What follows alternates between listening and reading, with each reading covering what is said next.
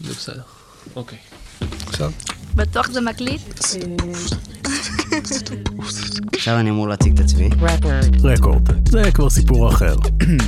טוב, אני מתחיל. היי, אני איריס אלתר ליברמן. אתם ואתן על רקורד. סיפורים ישראלים, לעיתים מורכבים, ישירות מאנשים שחוו אותם. בואו נתחיל. רגע, אבל זה גם חלק, מותר לבכות בפודקאסט? ברור שמותר, מה זאת אומרת? זה חלק מהחיים. מותר לבכות בחיים, מותר לבכות מכל מיני דברים עצובים, גם בפודקאסט מותר לבכות, אתה יודע מה? אפילו רצוי. אני בעד לבכות. אני לא רוצה לבכות אבל. אתה יודע שאני בעד לבכות. אבל אני גם רוצה. אתה לא רוצה לבכות? למה? כי לא רוצה לשמוע אותי בוכים.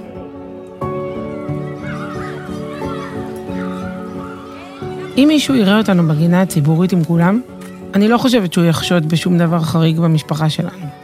אבא, אימא, אולי יחסית הרבה ילדים לתושבי המרכז, וגם עם פערים די גדולים בין הראשון לאחרון. אבל בסך הכל, משפחה, כמו שאר המשפחות. זה גם לא שאני מוכרת מהחדשות או משהו. דאגתי בזמנו להימנע מכל חשיפה. אני אפילו שמחה על האנונימיות הזו. ובכל זאת, מוזר לי לחשוב כמה נורמלים אנחנו נראים. כי זה הרי בכלל לא הסיפור. ומי כמוני יודעת שרק לפני חמש, ארבע שנים, אפילו שלוש, גם אני לא העליתי בדעתי שאשב פה בפארק כמו משפחה נורמלית. אני מנסה להימנע מלשאול את עצמי, מעניין מה זיו היה חושב. לא כי זה לא מעניין אותי, ולא כי אני חושבת שהוא לא היה מאשר. להפך, אם היו שואלים אותו, אני יודעת שהוא היה רוצה את זה בשבילי. חוץ מזה, יש לי כבר מספיק עניינים ממה שחושבים וחשבו אנשים אחרים מסביבי. אני לא מאחלת להם להיות אפילו עשר דקות בנעליים שלי ולעבור את המסע שלי.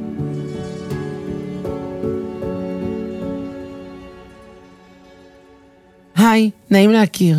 אני נטלי חג'בי. חג'בי כמו זיו חג'בי, כמו זיו ונטלי חג'בי. וביום אחד, בשבעה באוקטובר, כן כן, השבעה באוקטובר, אבל 2018, החיים שלי התהפכו מהקצה אל הקצה. האמת היא שאף פעם לא דיברתי על הסיפור שלי בפומבי. לא ככה על הקהל הרחב. לא כולם חשבו שזה חכם או נכון, אבל ככה בחרתי לעשות עד עכשיו. הסיבה היחידה שבגללה הסכמתי הפעם, היא כי הבנתי שכמה שלא המשכתי הלאה וחזרתי לחיים, יש דברים שעדיין לא סיימתי להתמודד איתם. לא שאני חושבת שאי פעם אפסיק להתמודד איתם, אבל אני רוצה לפחות להתחיל. וזו הזדמנות בשבילי לקיים את השיחות שמעולם לא קיימתי. ובמקביל, אולי לעזור לאחרים ואחרות להתמודד עם האובדן שלהם. ועכשיו, אחרי ה-7 באוקטובר 2023, לא חסר כאלה.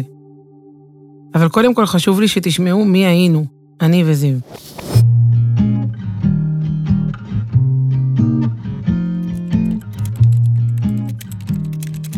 את זיו הכרתי בגיל 18, בימי האינטרנט התמימים.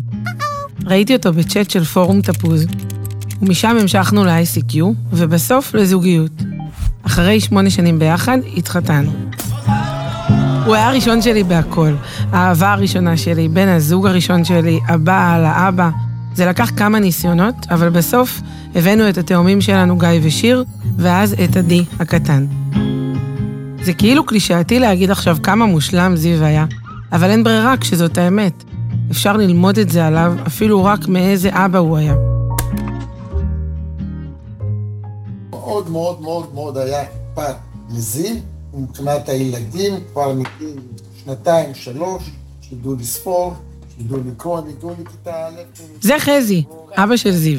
עוד מעט תשמעו גם את איריס, אימא שלו, ואת אור אחיו. הוא ממש הקפיד על זה, שהדברים האלה יהיו מושרשים ברמה כזאת, שהילדים זה היה לא חשוב. כל הזמן ילמדו, כל הזמן יקראו. וזה היו אחד הדברים הכי חשובים בשבילו. לא משנה מתי הוא חוזר מהעבודה ומתי הוא זה, תמיד. הוא נשב, נקרא, נשחק, בין כל הכניסות ובין כל ה... כן. זה, למצוא את הזמן הזה. בשבת בבוקר הוא היה קם מוקדם, שהילדים היו קמים מוקדם, והיה אומר, אני אשחק איתם. כן, הוא היה לוקח אותם באופניים ל- לגן בעברית בראשון, את מכירה את זה? גן ענק, והוא במרחק כאילו נסיעה. הוא הוא לא היה מתנצל, היה לוקח אותם באופניים, הם היו נוסעים באופניים, והוא היה הולך איתם ברגל. להקנות להם, זה א' ב' שלו. להשקיע בהם, לטפח אותם. ממש. זה היה ממש חשוב לו. כאילו להעצים אותם. החשיבות שלו, שהילדים, שמא הם שמעו, שמר עליהם כמו צמר גפן. משהו מטורף, הוא היה באובססיה ובדאגה לילדים לשלושתם, ברמה, אני, אימא שלהם, ילדתי אותם, עשיתי זריקות כדי שאני אהיה בהיריון איתם, והוא עקף אותי בסיבוב, כאילו בפדנטיות שלו. הם בשבילו היו כל החיים. כן. כל החיים. מה זה בשבילו? גם בשבילי, מה, אני אימא מאמצת? לא. בשבילו. אבל תמיד- תמיד היה ידוע שלך פחות אכפת. היית רוצה. חמוד. הוא מאוד היה אה, הכי טוב, כאילו את ה-the best. בהכל, הוא היה צריך להיות הכי טוב.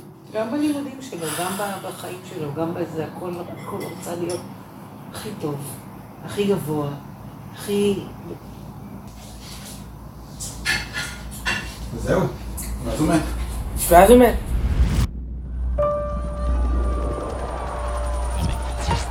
אירוע טרור קשה באזור התעשייה ברקן, בו איבדנו שני אזרחים ישראלים. בבוקר של 7 באוקטובר 2018, זיו יצא לעבודה מוקדם יותר מהרגיל. באוטו, אחרי שהורדתי את הילדים במסגרות, חייגתי אליו לשיחת הבוקר השגרתית שלנו, והוא לא ענה. התחלתי לנסוע לכיוון העבודה, ושמעתי ברדיו שהיה פיגוע ירי במפעל בברקן. ישר הבנתי. התקשרתי שוב לזיו, והוא לא ענה, ואז התקשרתי לחזי עם הידיעה הברורה שמשהו קרה לזיו. באופן קבוע הייתי מדבר איתו כמעט כל יום בבוקר. היינו בקשר ממש יומיומי. חוץ מזה שהייתי בא אליהם הרבה וזה.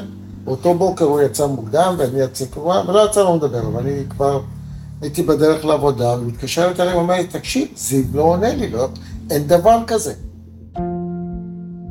אמרתי לה, טוב, תני לי לבדוק. לא, התקשרתי להגיד לך שכבר אמרו בחדשות על הפיגוע.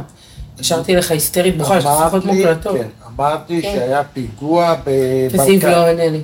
ואמרת לי, מה יש לך?" לך? התחלת לצעוק עליי, מה יש לך? בטח נפלו הקווים. אז אה, איך שהגעתי לעבודה, נכנסתי למשרד, בדקתי כמה דברים, ישר הבנתי מה קרה, ועוד אחרי שתוך כדי בדיקה אני שומע בחדשות שהפיגוע במפעל כזה וכזה, אמרתי, כבר כשלא עונים לי ולא המנהלים שלו, התקשרתי לכולם, ברגע ששמעתי איפה זה היה, ואמרו שיש פצועי אנוש, ולא מפנים אותם כי ולא זה, אז אמרתי לעבודה קרה נורא מכל, אני הולך הביתה.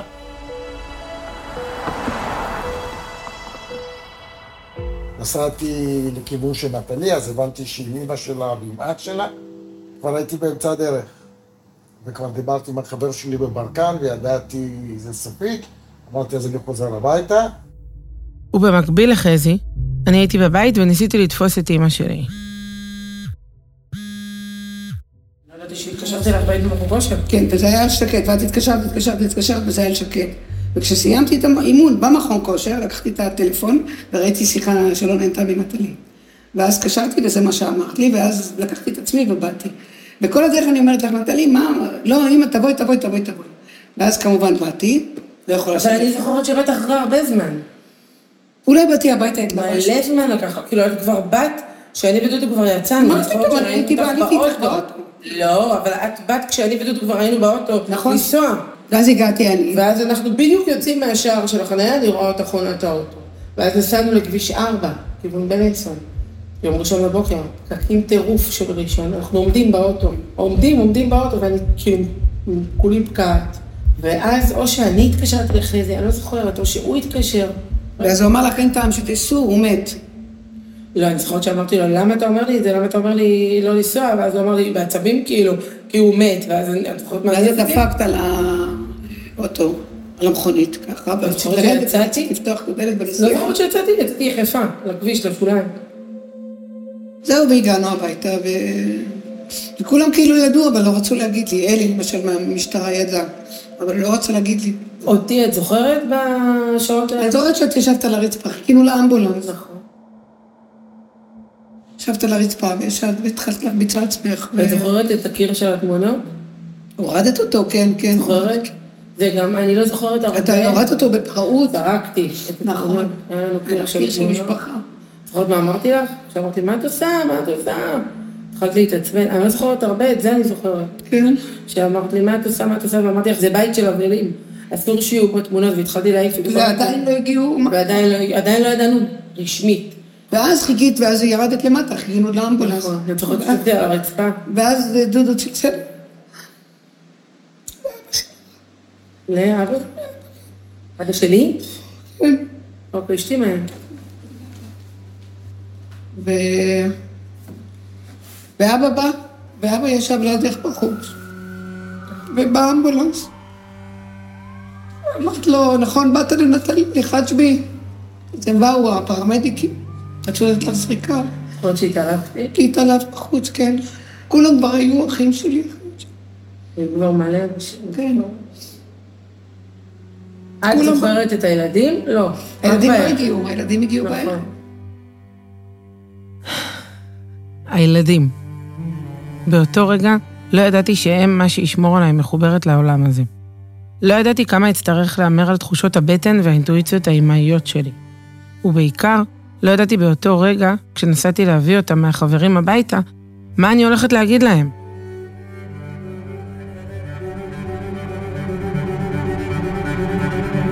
אתם יודעים, אני זוכרת את התחושה.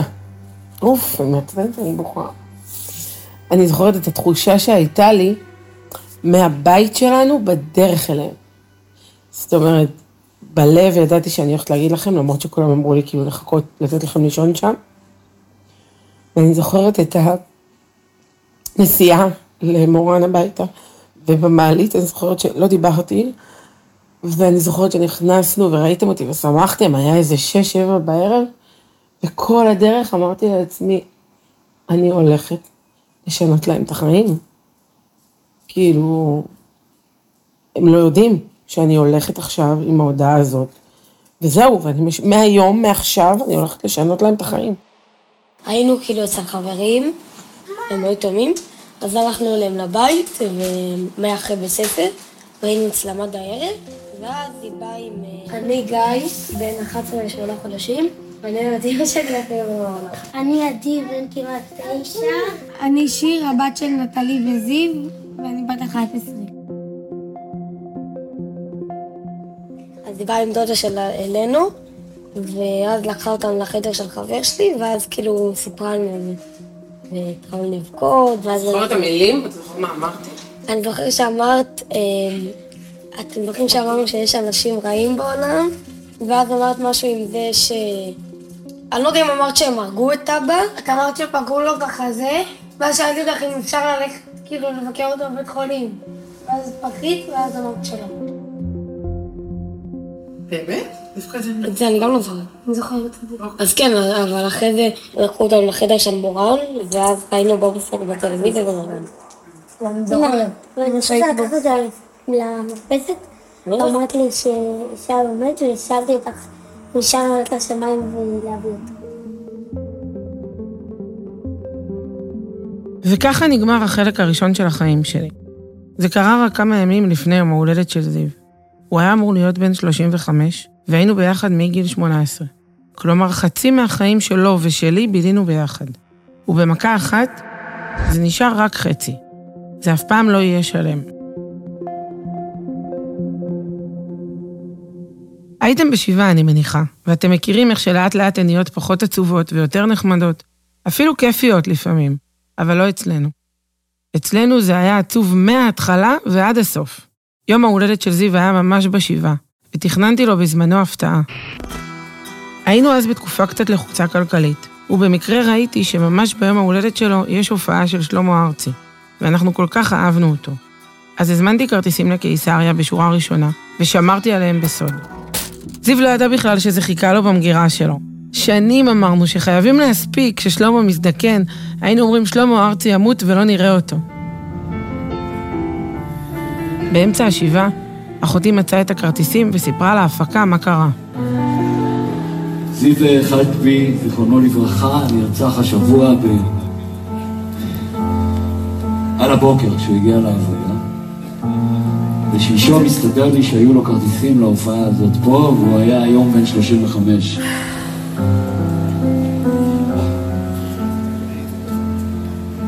ואני רוצה לשיר את השיר הזה למשפחה שלו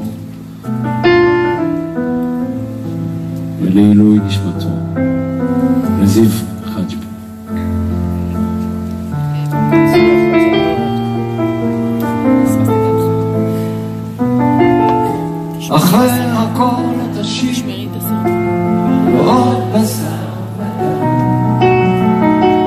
עוד אישה חיה אבל עד שקיים והוא עטוף מילים מילים ומנגינה בכתר מסוים אחרי הכל. עד שקיים אז לפעמים שקעתי שקט מתיישב.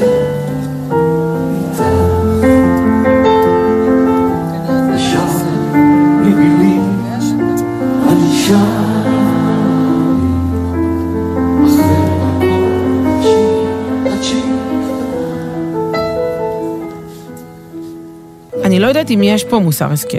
אולי זה לחיות את הרגע ולא לדחות את החלומות שלנו למחר. אבל אני באותו זמן לא ראיתי שום לקח ושום מחשבה חיובית. רק רציתי לבכות ולבכות ולבכות. אני אפילו לא בטוחה מי טיפל בילדים בימי השבעה. רק אחר כך חשבתי על הדברים האלה, ואני עדיין משלימה את הפרטים. אני נגיד לא בטוחה מי קילח אותם. אני זוכרת את העזרה של כולם, אני זוכרת שכולם עזרו. בחודש הראשון, ואז אני אמרתי להם שיפסיקו, שלא ישנו איתי יותר. לא, אבל אני לא עזבתי אותך, לא נכון, אני לא עזבתי אותך. לא, אבל אחר כך, אחר כך שכבר... אני לא עזבתי אותך, אני כל הזמן הייתי באה לשם, וכל הזמן הייתי שם עם ילדים. ואת חזרת לעבוד, ואני זוכרת שאמרתי לשרית, תקחי אותה, קחי אותה, שתצא לעבוד, שתצא לעבוד. אני זוכרת, ואת אמרת לי, אמא, מוקדם מדי, אמרתי לך, לא, לא מוקדם. אני זוכרת שהיינו כל השבוע שם, והייתי באה לבור בחמישי, או בשישי, אני כבר לא זוכרת. יושבת. ומכינה פה את התיקים ובאים אלייך. במשך חודש הייתה משמרת סביבנו, וישנו אצלנו כל לילה. ואז, בבת אחת, אמרתי, מספיק. אני לא זוכרת. אני לא זוכרת, איך ישן, איפה ישנתם? ישנו, לא, ישנו- זוכרת בלילה הראשון, כאילו אחרי שחזרנו ישנו איתך מתישהו, במיטה שלך. איתי במיטה, כן, וראינו את ביחד? כולם. כן. אני לדעתי נתנו לי משהו. אז זה היה לילה וכבר הלכנו לישון, כאילו, והיינו כולנו במיטה שלך וראינו טלוויזיה. איתי, אני גם הייתי. כן, כן. את שכבת שם, כאילו, בקצה, ואנחנו היינו ליד. אני הייתי ואחי בפינה איפה שאבא ישן. כל לילה עשינו ככה? כן. אני לא יודע איך אני נרגעתי ולא בכיתי. לא. את גם בכית. לא, אני? בכיתי, אני יודע, אבל אני לא יודע איך...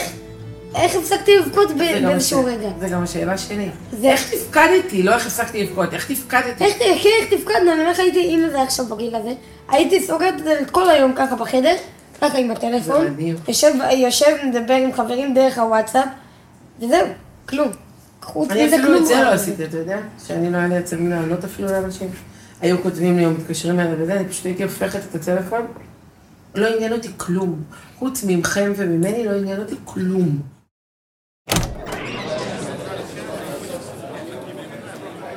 אני זוכרת שבשבעה ניגשה אליי אלמנה אחרת, ואמרה לי שעכשיו אני צריכה לבחור אם להתמודד או להתמוטט. ולרגע קיוויתי להתמוטט. אבל חמש דקות אחר כך כבר היה צריך לקלח את גיא, או לדבר עם המורים מבית הספר, והבנתי שאין לי אפשרות כזאת. וכששואלים אותי איך לא התמוטטתי, אני לא יודעת לענות על שום דבר מעבר לזה שהילדים היו צריכים אימא.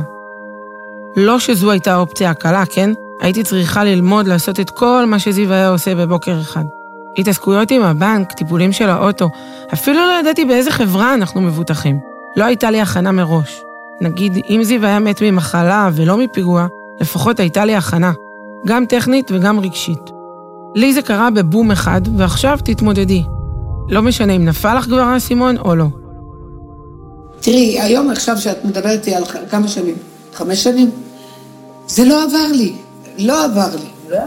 זה לא יעבור לי, זה, זה כל הזמן, כל הזמן. אבל יש לך תחושה שכל הזמן אומרים לך עד מתי, אין דבר כזה עד מתי. תראי, או כמה צריך, או כמה אפשר, או עד... אין דבר כזה, גם אני. אין דבר כזה, זה לא מקציבים את זה בזמן. זה לא בזמן, אבל הזמן לא, מ- לא מרפא. לא? אמרו שהזמן מרפא. אז לא חיכיתי לזמן שירפא. אחרי השנה הקשה הזאת, עברתי לגור ליד ההורים שלי כדי להיעזר בהם יותר. למרות שזה דרש להעביר את הילדים מהחברים שלהם לעיר אחרת, ניסיתי לאט לאט לחזור לחיים. מצאתי קבוצה בפייסבוק של אנשים שהתאלמנו כמוני, והכרתי חברות וחברים חדשים, ואפילו התחלתי לבלות איתם.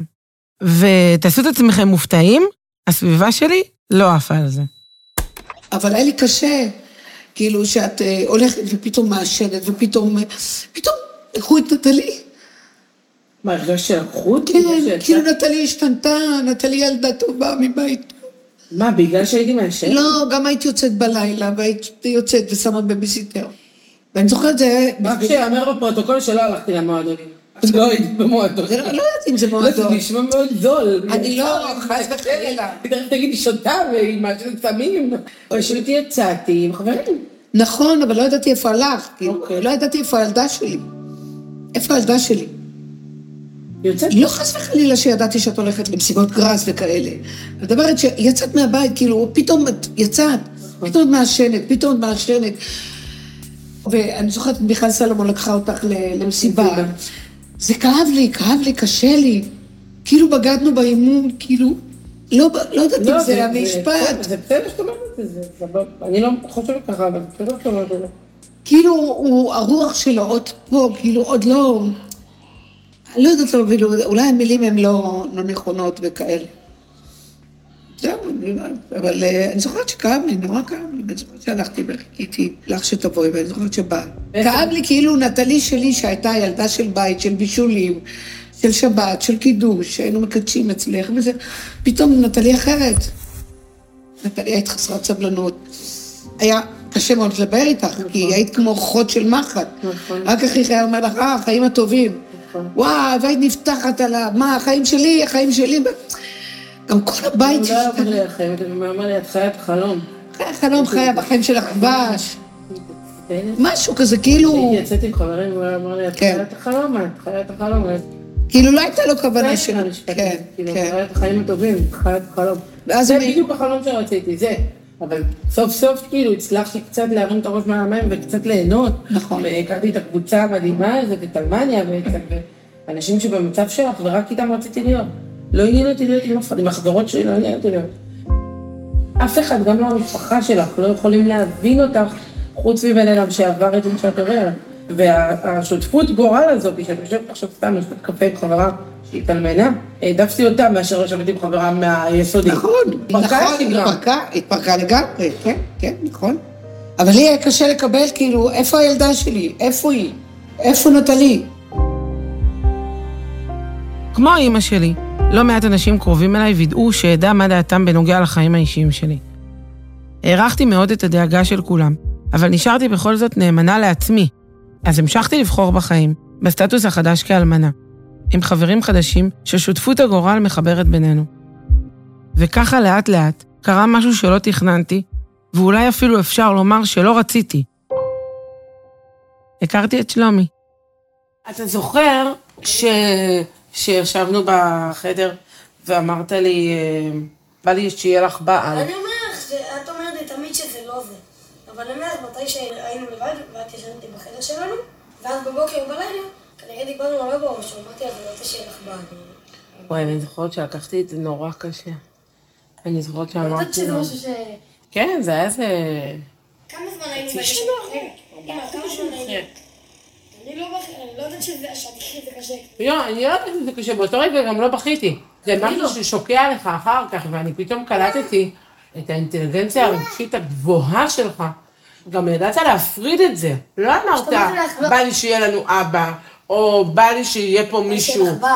אבל בניגוד למה שהייתם מצפים מכל אימא יהודייה טובה, במקרה הזה, אימא שלי דווקא חשבה בדיוק ההפך ממנו. הזוגיות שלך הייתה מאוד מוקדמת. באמת? שנתיים אחרי זה מוקדם? שנתיים היה. את חושבת שהזוגיות שלי הייתה מוקדמת? לא יודעת, נראה לי שעוד לא מספיק... אני עוד, אני עוד לא התאבלתי, אז מה, את מבינה? זה משפט נורא... של מי שלא בתוך זה, להגיד את זה. נכון, אבל תראי, אני לא במקום הזה, אני לא... לא מספיק התאבלת. לא, לא, לא מספיק התאבלת. לא רק את, אני מדברת באופן כללי. לא, לא, לא, לא, התאבלת המון, המון, קיבלת את הסתירה של החיים. גם אם הייתי אחרי חצי שנה בזוגיות, נכון. זה לא אומר שלא מספיק התאבלתי. אני לא חושבת שעל הזמן. אני חשבתי מבחינת זיו, זה עדיין מוקדם.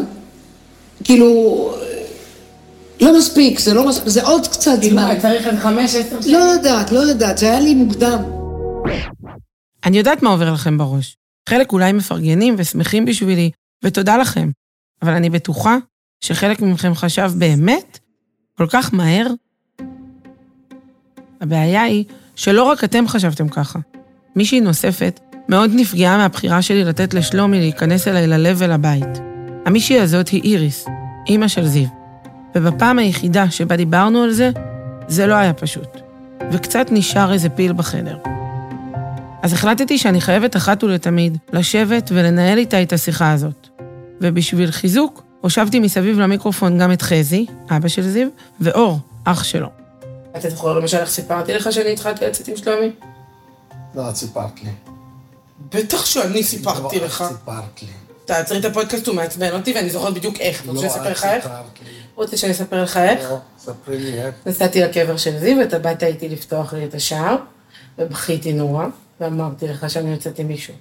לא, בסדר, אז אני ידעתי את זה כבר לפני זה, והכל מהילדים ולא ממך בכלל, אבל לא חשוב. אין לי בעיה עם זה, זה לא היה מוסתר לא, לרגע, בסדר, זה לא היה משהו מוסתר. אבל ממני רסמי, אתה ידעת אחד על אחד, לא זאת, חיכית לא שמישהו. יגיד לך... לא משנה, אני ידעתי את זה מהילדים. לא, להפך, הילדים כל הזמן היו אומרים לי, אמא, להגיד לסבא וסבתא, אמרתי, כן. לא. כאילו, לא חיכיתי עם זה גם, למה אתה... תספר את מה שאתה יודע. לא, אבל זה לא הפואנטה, הפואנטה היא שאת אמרת שאת סיפרת לו, והוא אומר לך, לא, אני ידעתי את זה לפני. מה הבעיה? ואת אמרת שזה בסדר שהוא ידע את זה לפני, כי... לא, אבל זה מעניין אותי לדעת איך, תספר לי, כאילו... לי מה לספר את הסיפור, אני אומר, ידעתי את זה מהילדים, שאת בבית, ואמא בבית עם שלומי וזה, ואז אני בכוונה לא עליתי למעלה, וחיכיתי שתצאי, שהייתי צריך לבוא איתם הביתה. מה? אני לא ידעתי את זה. אחרי שסיפרתי למשפחת חג'בי על שלומי, היה ברור מההתחלה שהמשפחה תומכת. וכמעט כולם שמחו לפגוש אותו. היא זכתה בזה שבאמת... נכון, זה באמת לא מה מובן? מאליו. זכות הכי גדולה שיכולה להיות. נשים יפות, בלי ילדים, בלי זה לנסות, את יודעת, או... הוא אמר שאני מכוערת? לא, לא, אני אומר, לא, לא, אני אומר, אני אומר, נשים יפות, זה היה מתבקש להגיד את זה. את יודעת, גרושות וזה, צעירות. לא מוצאות, נכון. לא עם ילדים רוצות ולא מוצאות. בעד. כולן יכולות. את יכולה, את יכולה להגיד מה שאת רוצה, אבל זה שהכרת אותו בקבוצה... כמעט כולם פרגנו מהרגע הראשון. הבעיה הייתה שאיריס, אימא של זיו, הייתה במקום מאוד שונה מהם, ולכן היא גם נמנעה בהתחלה מלפגוש את שלומי. וגם היום היא עדיין במקום שונה. אני עוד לא שם במקום הזה. אני עדיין מתנהלת בצורה אוטומטית. אני לא מצליחה לקום. זאת אומרת, אני חיה. אני חיה ואני עושה, ואני... אבל בשבילי, נגיד כמו סבתא איריס, זה אנשים שזה נורא קשה. איך שאומרים את המילה הראשונה, הם ישר כאילו מתפרקים, ואי אפשר כל כך לדבר איתם על הדברים האלה. אז אני לא מדברת איתם על זה. נגיד סבתא איריס היא נורא נורא רגישה, וכאילו, אם נתחיל לדבר על זה, היא כבר ממש תבכה, וזה בסדר שהיא תבכה. ואני גם לפעמים בוכה לידי ואני מחבקת אותה, אבל, אבל זה, לא, זה לא משהו שהופך לשיחה. נגיד, כן. מה, ידידי, מה אמרת? שגם אתה זוכר? שגם אני בוחר שכאילו הולכים לידי או שאנשים עצובים או שהם, לא יודע, אבל שעצובים, אז כאילו, אחרי כמה, זמן אני עובד לזהות. אני עד היום לא. לא מצליחה לה- להרים את עצמי. זה שאני הולכת לרקוד, זה שאני הולכת ומסתובבת. אף אחד לא מבין אותי אפילו. אף אחד לא יכול להבין אותי מה עובר עליי. גם כשאני הולכת לרקוד, אז אני מחייכת לאנשים, אבל שואלים אותי, הכל בסדר? ואני מסתכלת על האנשים בעיניים ואני אומרת, בסדר. אני לא, אני לא, לא יכולה, לא יכולה. ונטלי יודעת, והיא מכבדת את זה. שקשה לי, אני, אני נתתי לה את ברכת הדרך. והנישואים האלה והכל, ונתתי לה את ברכת הדרך. אבל קשה לי עדיין שהם יבואו ביום שישי בקידוש. זה הסטטוס קוו הלא מדובר שלנו. אנחנו מוזמנים כולנו כמשפחה ביום-יום, אבל אנחנו לא מוזמנים לארוחת שישי. עדיין לא. זה קשה מדי לאיריס.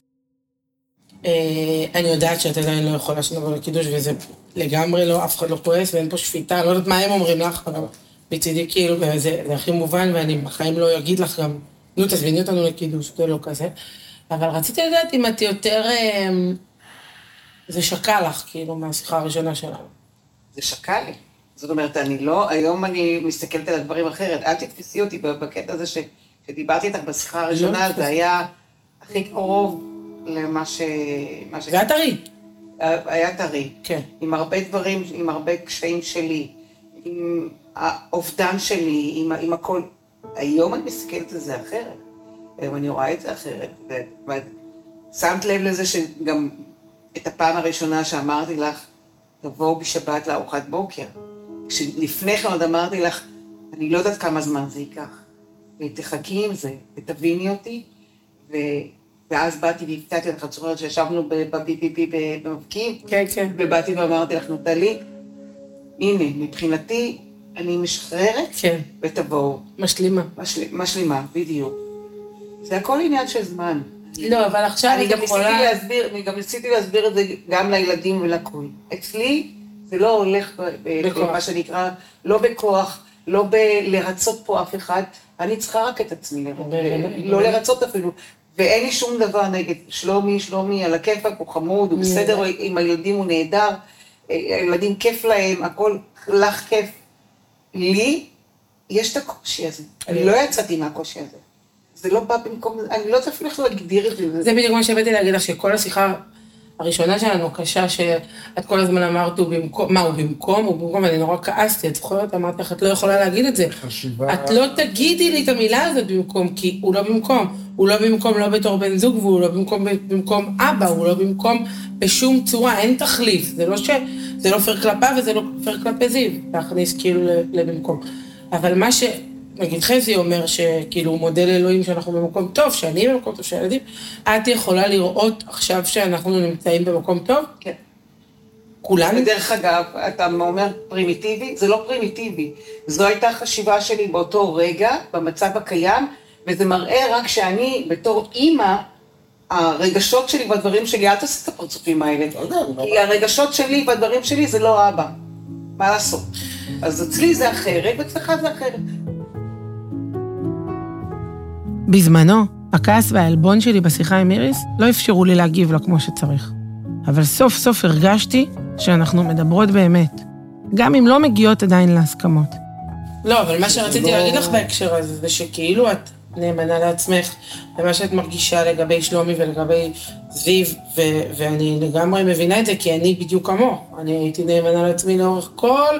אני יכולה להגיד שמהיום של הפיגוע עד היום, אין משהו אחד שאני יכולה להתחרט עליו שעשיתי אותו או לא עשיתי אותו אה, נכון או לא נכון, כי אין פה עניין של נכון או לא נכון, יש מה אני מרגישה, ומה, איך זה נכון לי. לא איך זה נכון לו, איך זה נכון לך, או איך זה נכון... את יודעת כמה היה חשוב לי, ואני הסתכלתי על זה תמיד מהצד, ששלומי בא אלינו, שירגיש בנוח, בטח. שירגיש חופשי, שירגיש שזה...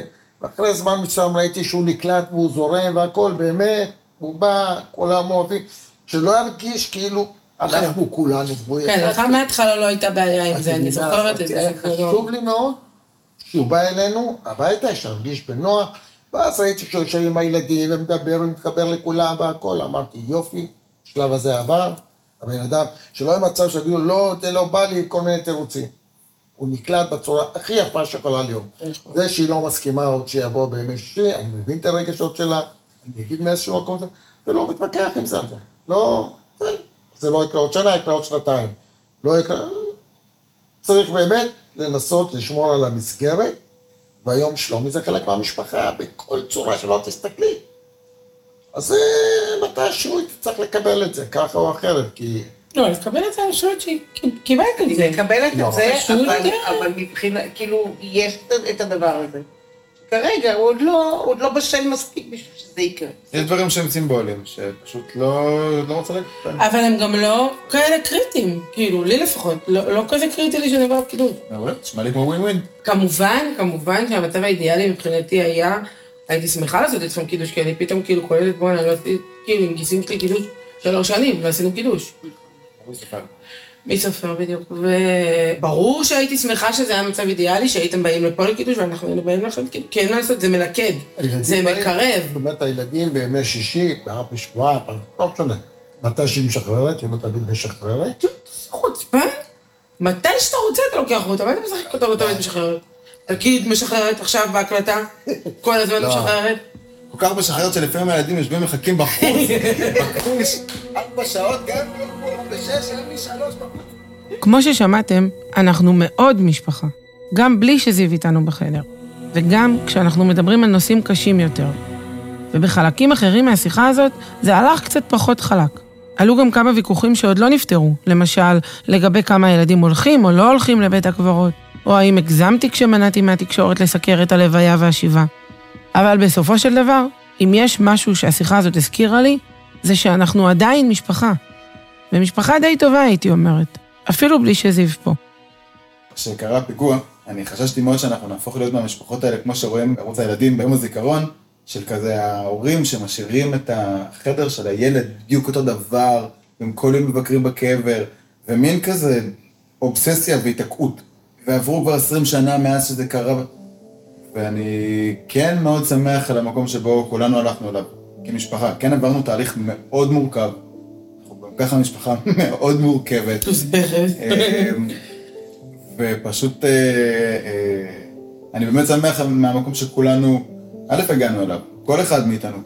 כולם עשו צעדים קדימה בחיים, וזה באמת לא מובן מאליו, בעיקר אחרי שאנחנו שומעים כל מיני סיפורים על משפחות אה, ככה, ש- שקרו להם הרבה דברים, כן, וגם אנשים שאתה כאילו אה, מכיר. את יודעת, מסגרת שלא יוצאים, זה אסור לנגוע, אסור, זה כן. שנים, וזה... פה אני חושב, החיים באמת יותר חזקים מאיתנו, והוא צודק. עם כל הכאב, עם כל מה שקרה, לא אגיד לך יצאנו מחוזקים, אבל אנחנו מספיק חזקים כדי להתמודד ולראות את זה בצורה חיובית, את החיים הלאה. וזה לא מובן מאליו. זה לא מובן מאליו.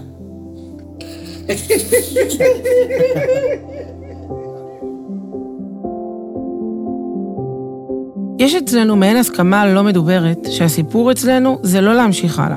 הרעיון הוא לא להתגבר, הרעיון הוא להמשיך לחיות ביחד עם זה, ובעיקר לא להיתקע מאחור. וכל מי שאולי חיפשו בסיפור שלי איזה מאבק והתגברות, אני מקווה שכבר הבנתם שלא תמצאו את זה פה. לא בדיוק. זה לא שהתגברתי על הפיגוע ועל המוות של זיו. אני עדיין בוכה עליו, לפעמים ככה סתם, משום מקום. אבל אני עושה את זה תוך כדי החיים שלי. מול הילדים שלי, מול המשפחה, וכן, גם מול שלומי. אני מדברת עם שלומי על זיו, זה ברור, וגם שלומי מדבר איתי, על אשתו הראשונה, שגם היא נפטרה בפתאומיות. ואנחנו מדברים על שניהם עם הילדים, ועוד נדבר עליהם עם מורי, הילד שהבאנו לעולם לפני שנתיים. הילד שלי ושל שלומי, זוג האלמנים שלא העזו לחלום על זה. שני הפסיכולוגית שלי סיפרה לי לא מזמן על הרעיון של קינצוגי. זאת שיטה יפנית שבה מדביקים מחדש כלי חרס שנשברו, ומדגישים בזהב את קו השבר. וככה נוצר כלי חדש ישן, שלא מסתיר איפה שהוא נשבר. ההפך, הוא עומד שוב, והוא מחזיק מים, והוא עובד לחלוטין כמו הקודם. ובעיני רבים, וגם בעיניי, הוא אפילו יותר יפה. וזה נשאר איתי, הרעיון הזה של הדבקה מחדש, בלי ניסיון להסתיר. להדגיש את השבר עם הזהב ולהראות לכולם, אני שבורה, אבל אני עדיין עומדת. ויש שיגידו, אפילו נוצצת.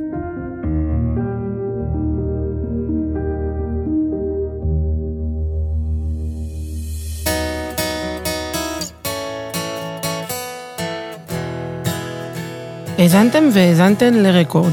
את הסיפור שלי ליוותה איריס אלתר ליברמן. עורך, דניאל סלומון. סיוע בהפקה, אדווה קורנבלאו וגל טאובר.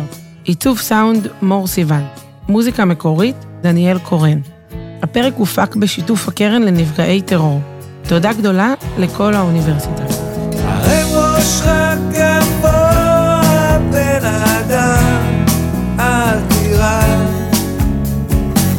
בהגה ביד נחושה.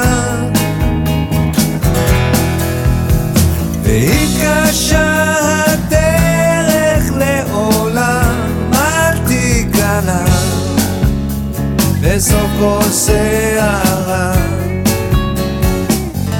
יש יבשה